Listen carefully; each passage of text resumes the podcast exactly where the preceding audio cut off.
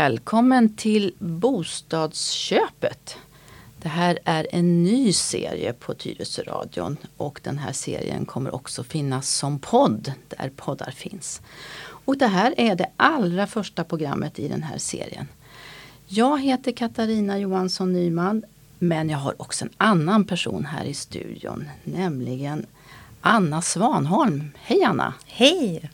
Tack för att jag får komma. Ja, och du kommer alltid vara med mig när vi ska göra den här programserien. Ja, och det ska bli jätteroligt och spännande. Anna, eh, du är ju särskilt lämpad att vara med i en sån här programserie. Varför då? Eh, jag har arbetat som fastighetsmäklare, eller arbetar fortfarande som fastighetsmäklare och har gjort det de senaste 15 åren. Och driver också ett mäklarföretag, Skandiamäklarna i Tyresö. Där du är kontorschef. Stämmer. Mm. Mm. Så att ni förstår att här är en person som länge har jobbat med den här typen av frågor. Och eh, ja, jag är ju inte proffs i det här sammanhanget. Men däremot så har ju jag vid ett antal tillfällen naturligtvis stött på det här utifrån att jag både själv har köpt och sålt eh, bostad. Och eh, jag har också, kanske utifrån att jag är lantmätare i grunden, också haft många vänner och bekanta och släktingar som också har frågat mig ibland om olika saker när de ska själv då köpa eller sälja sin bostad. Och för det mesta så går det ju smärtfritt. Men inte minst när man ska köpa sig en bostad så är det ju faktiskt så att det är ju inte utan att man kan känna ett visst stresspåslag och, och nästan lite ångest. Känner du igen det här Anna? Ja, jag skulle säga att alla våra köpare drabbas av lite stresspåslag och ångest. Eh, och jag kan bara referera till mig själv när jag köpte en bostad och ifrågasatte om jag verkligen skulle fortsätta som mäklare. Om, eftersom vi gör att våra kunder blir så otroligt stressade. Kanske inte vi, men själva situationen och när man köper en bostad. Det är fruktansvärt eh, jobbigt eh, mentalt och det är en stor affär så att jag tycker nog att det ska också vara lite jobbigt så man tänker till innan man går vidare i processen. Ja, det är väl så. Och det är klart, det är många frågor som man har. Man funderar på om man har köpt rätt, om det är för dyrt, gick det för fort och sådär. Men som du säger, oftast så, så kan man ändå känna i efterhand att det här blev ju bra. Ja, Anna, varför startar vi den här serien? Jag tycker att det är viktigt att, man, eh, att gemene man som ska ge sig in i, i, i bostadsbranschen och köpa sin egen bostad vet vad det är som gäller.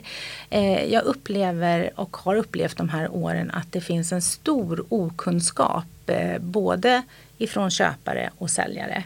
Nu kommer vi fokusera mer på köpare i den här serien och eh, det, det, är viktigt att man vet vad, vad, man har för skyldigheter, vad man har för rättigheter och vad man ska tänka på framförallt innan man ger sig in i ett bostadsköp.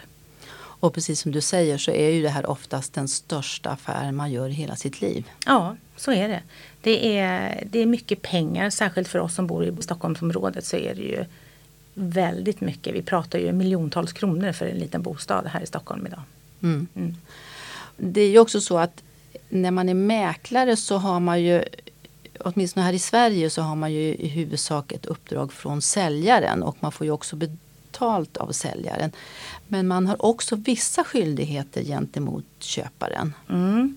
Man har faktiskt inte, eh, man går inte säljarens väg utan det viktiga är att veta att en mäklare är en mellanman i alla avseenden utom priset. Då ska man verka för uppdragsgivarens räkning som det står i fastighetsmäklarlagen.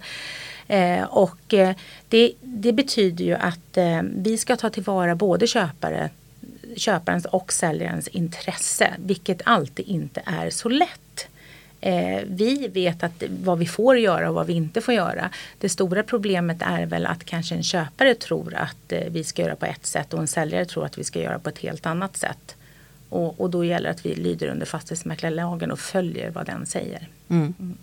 Som sagt var, det här är en serie så vi kommer att ha ett antal program.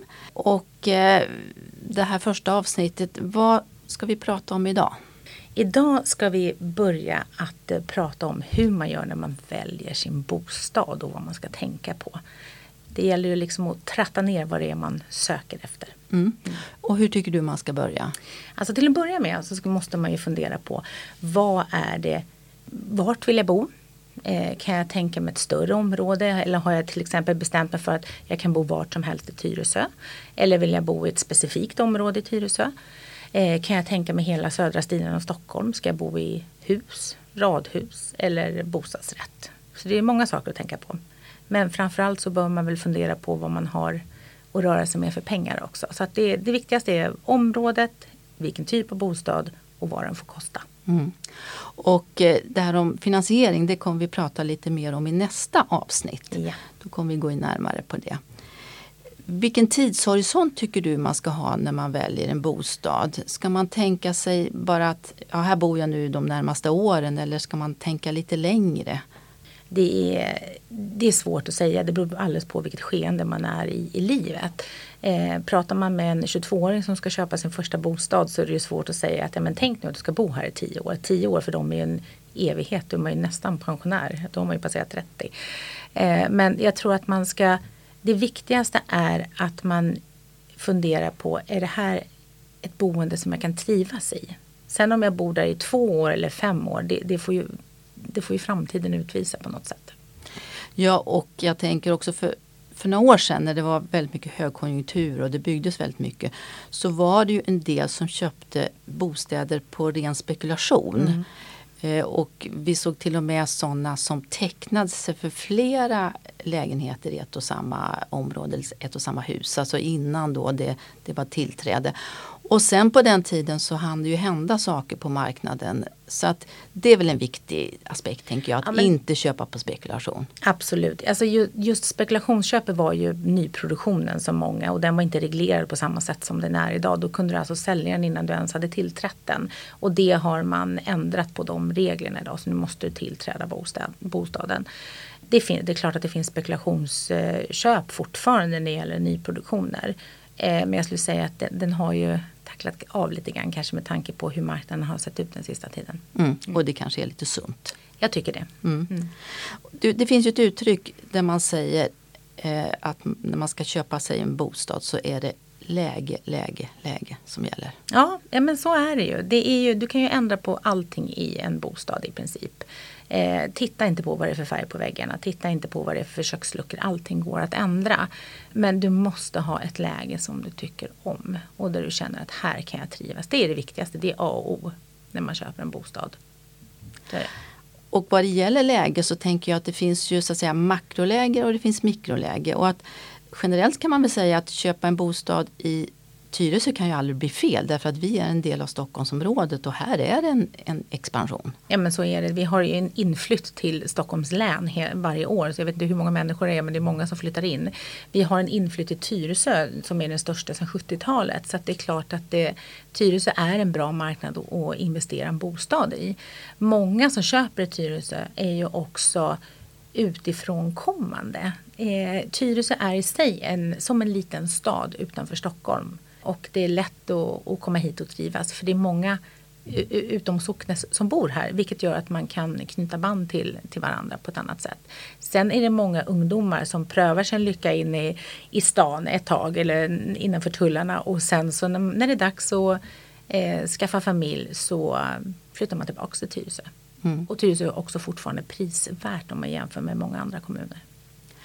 Är det också många som tittar på vad vi har för kommunalskatt i Tyresö. Är det en avgörande faktor? Ja, eh, alltså jag skulle säga så här. Det är ju, eh, vi, har, vi har ju Älta som område också. Och eh, har man spekulanter på villor i Älta och man säger att men vi har jättefina hus i Tyresö så får vi ofta höra att vi har väldigt hög kommunalskatt i Tyresö. Och då vill man bo, hellre bo i Älta. Trots att Älta kan vara lite dyrare, är det så? Ja, det är Älta dyrare. Mm, mm. Mm. Ja, precis. Men det kan ju faktiskt innebära att, att kalkylen totalt blir ungefär samma. Ja, men eh, skatter är alltid en känslig fråga. Ja, precis. Ja. och vi ska väl inte bli politiska men ett litet budskap kan vi skicka till våra politiker att det här faktiskt det här är en faktor. Jag jobbar ju i Solna under några år och där var det väldigt många som just sökte sig till Solna just för att det var låg kommunalskatt. Mm, mm. Ja, så, är, så, är, det. Så är det faktiskt. Mm. Ja. Du, den här önskelistan eller kravspecen, hur fast ska man vara vid den? Jag tycker att man ska sätta upp en kravlista eh, och sen ska man ha i kombo med den ska man ha en önskelista. För det är inte alltid de går hand i hand. Eh, och man ska sätta upp minimikrav. Det här är det som jag absolut tycker är det viktigaste för mig. Och sen det här är det som jag tycker att jag gärna skulle vilja ha. Och sen kan du ha den där önskelistan som lite extra grädde på moset. Skulle jag säga. Sen, sen, kommer man under resans gång ge avkall på en det ena, en det andra. För tittar du på flera bostäder så kommer du snart också komma underfund med att ja, men det här kanske inte var så viktigt. Det kanske faktiskt är viktigare att jag har eh, bra förvaring eller en klädkammare eller att jag vill ha ett extra rum och så. Och sen tänker jag så, så kan man ju också ha en lista med det som jag absolut inte kan tänka mig. Om man vet med sig att man till exempel är känslig för buller, då kanske mm. man inte ska bo nära en, en, en stor trafikled eller om man till exempel är känslig för insyn, ska man tänka på det. Eller om bilen är det viktigaste som man har, ja. ens ögonsten. Då är det viktigt att ha garage i huset eller ett eget garage. Absolut. Så att det, jag menar, alla de här aspekterna ska man ju ta hänsyn till. Och jag tycker att när man börjar gå på visningar så är det ofta så att man har inte tänkt till speciellt mycket. Man går och tittar lite eh, både här och där. Sen brukar man kunna tratta ner så småningom och inse att det är det här som är det viktiga för mig. Men, men du har en viktig punkt på det du säger, just det här med att eh, man kanske ska skriva upp vad man absolut inte kan tänka sig. För det tror inte jag så många tänker på. Och sen är det väl precis som du säger, ju mer man har tittat på ju mer kommer man på vad man egentligen också vill ha. Ja. Och, och, vad som finns på marknaden. Precis. Och vad man kan ge avkall på så småningom också. Mm. Mm. Och ett annat tips skulle ju också kunna vara att man så att säga, åker runt och tittar i områdena och ser vad gillar jag om det här området? Vad, vad, vad finns det för skolor och vad finns det för grönområden och mm. sådär. Ja men jag tror att det är viktigt att man inte bara tittar på själva bostaden. Har du hund, ja men då bör du kanske bosätta dig någonstans där du har fina områden och kunna gå ut och gå med hunden. Så att du inte flyttar dit och sen kommer underfund med att här kan jag inte gå, det finns inga vägar att gå på, det är bilar överallt. Eller har du barn, kan de ta sig till skolan själva via cykel eller gå? Eller funkar inte det? Om det inte fungerar, har jag möjlighet att skjutsa mina barn till skolan varje dag och hämta dem i så fall. Så det, det är många sådana saker man ska titta på och framförallt fråga mäklaren när du börjar gå på visningar. Vi är ju lokala, vi kan ju våra områden. Eh, och vi kan berätta var förskolorna ligger, vi kan berätta var skolorna ligger. Eh, och vi vet vad det är för smultronställen som finns runt omkring. Det är ju inte en gång bara man har tagit en spekulant som inte kommer från Tyresö och åkt runt i bilen med dem och visat områdena. Så är det ju.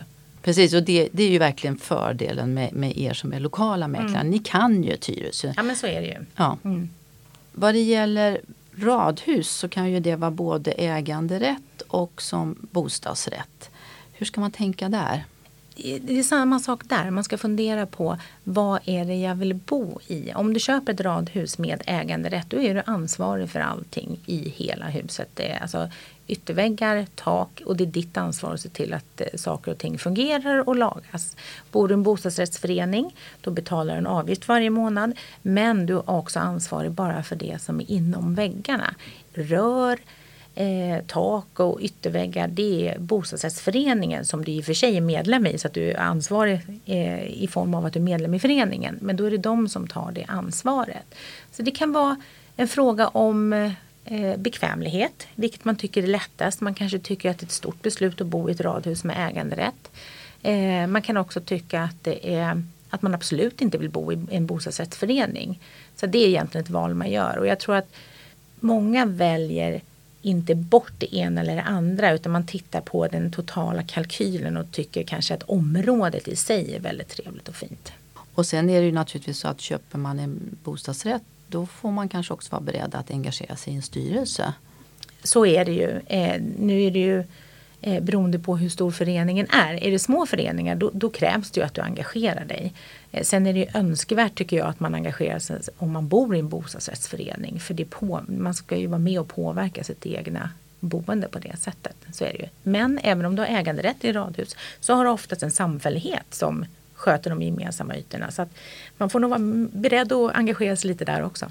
Det här mellan att äga sin bostad, alltså i form av villa eller radhus eller att eh, ha en bostadsrätt då. Det, det är ju lite skillnad och hur, hur, ska man tänka där? Det där handlar det nog mer om vad man väljer att bo i. Jag skulle inte säga att det är någon ekonomisk skillnad på så sätt. En bostadsrätt kan ju såklart vara lite billigare men du har en avgift varje månad istället. Eh, det man glömmer bort när man ser en avgift är ju att du har ett underhållsbehov på en, eh, på en villa till exempel som man kanske ska räkna med men man oftast inte gör det. Man räknar de faktiska driftskostnaderna, de faktiska driftskostnaderna och inte underhållet. Eh, sen tycker jag nog mer att det handlar om att eh, bestämma sig för vad är det jag vill bo i? Vill jag bo i en lägenhet eh, där det finns, eh, alltså vi är många som bor i samma hus eller vill jag bo i en villa där jag har grannar på ett behörigt avstånd. Det är också en fråga om när man väljer, om man har bestämt sig för att bo i hus så får man också ta ställning till om man vill bo i ett tätbebyggt område där tomterna inte är mer än 800 kvadratmeter eller vill jag bo kanske till exempel ut på gamla Tyresö där vi har tomter på 5000 kvadratmeter. Så det är många saker att ta ställning till i det här första skedet när du ska bestämma vad är det som är viktigt för mig. Och när man ska äga sin egen bostad så måste man ju också lägga in en ganska stor peng i min erfarenhet eh, i kalkylen för olika saker som händer eller kan hända varje månad. Alltså diskmaskinen går sönder eller tvättmaskinen eller helt plötsligt är det problem med något rör. Värmepannan går sönder, 50 000 ja. på, på ett bräde. Det, det, är klart att man måste räkna på vad man har råd att bo i. Så är det ju. Eh, det tillkommer mycket mer än vad man har tänkt sig. Så mm. är det. Mm. Jag menar, det, det brukar vara så här klassiskt skämt när man har sålt i Krusboda och jag har själv vänner som har bott där. När går varmvattenberedaren? Ja men alltså är det inte på julafton så är det dagen innan nyårsafton eller något sånt där när man haft mycket gäster hemma. Så att, ja, det, det finns saker att tänka på och ta ställning till. ja, är det. det. är ju ingen optimal situation men, men så kan det ju förstås bli. Mm. Ja. Och, och, jag har faktiskt bekanta som vars barn idag tittar på, de bor i en lägenhet men vi flyttar till villa. Men hon skakar på huvudet och säger de är inte tillräckligt praktiska säger hon. att bo i en villa. Nej men alltså det, jag skulle säga så här, det, det, är många av oss som inte har varit tillräckligt, tillräckligt praktiska när vi har köpt vår första, vårt, vårt första hus. Eh, men man lär sig ju. Så är det ju. Man, man, får ju faktiskt lära sig och kan man inte lära sig eller inte har lust att lära sig så går det ju att lägga bort både det ena och det andra nu för tiden. Så att, eh, ja och det har ju ändå varit ändå en fördel med de här rotbidragen. Att, att det har blivit mycket billigare och mycket kanske också enklare att, mm. att anlita professionell hjälp. Mm, definitivt. Jag tror att det kan också vara en fördel när man tittar på hur att folk vågar leja rätt personer och göra om till exempel ett badrum så man inte står och gör om det själv. För det har ju varit, vi hade ju den här Timell-effekten som man pratade om för många år sedan. Eh, och då var det ju för att man tittade på Äntligen Hemma så gjorde man om sitt badrum och sen hade försäkringsbolagen extrema kostnader för felgjorda badrum sen. Mm. Mm. Ja, så kan det bli om man inte tänker sig för. Det här var första programmet i den här programserien Bostadsköpet. Och eh, nästa gång, vad ska vi prata om då Anna? Nästa gång så ska vi prata om hur man finansierar sitt boende och hur man gör för att eh, få ett bostadslån. Ja, så då återkommer vi om det. Så att då säger vi tack så mycket från mig, Katarina Johansson Nyman. Och tack så mycket från Anna Svanholm. Hej då! Hej då!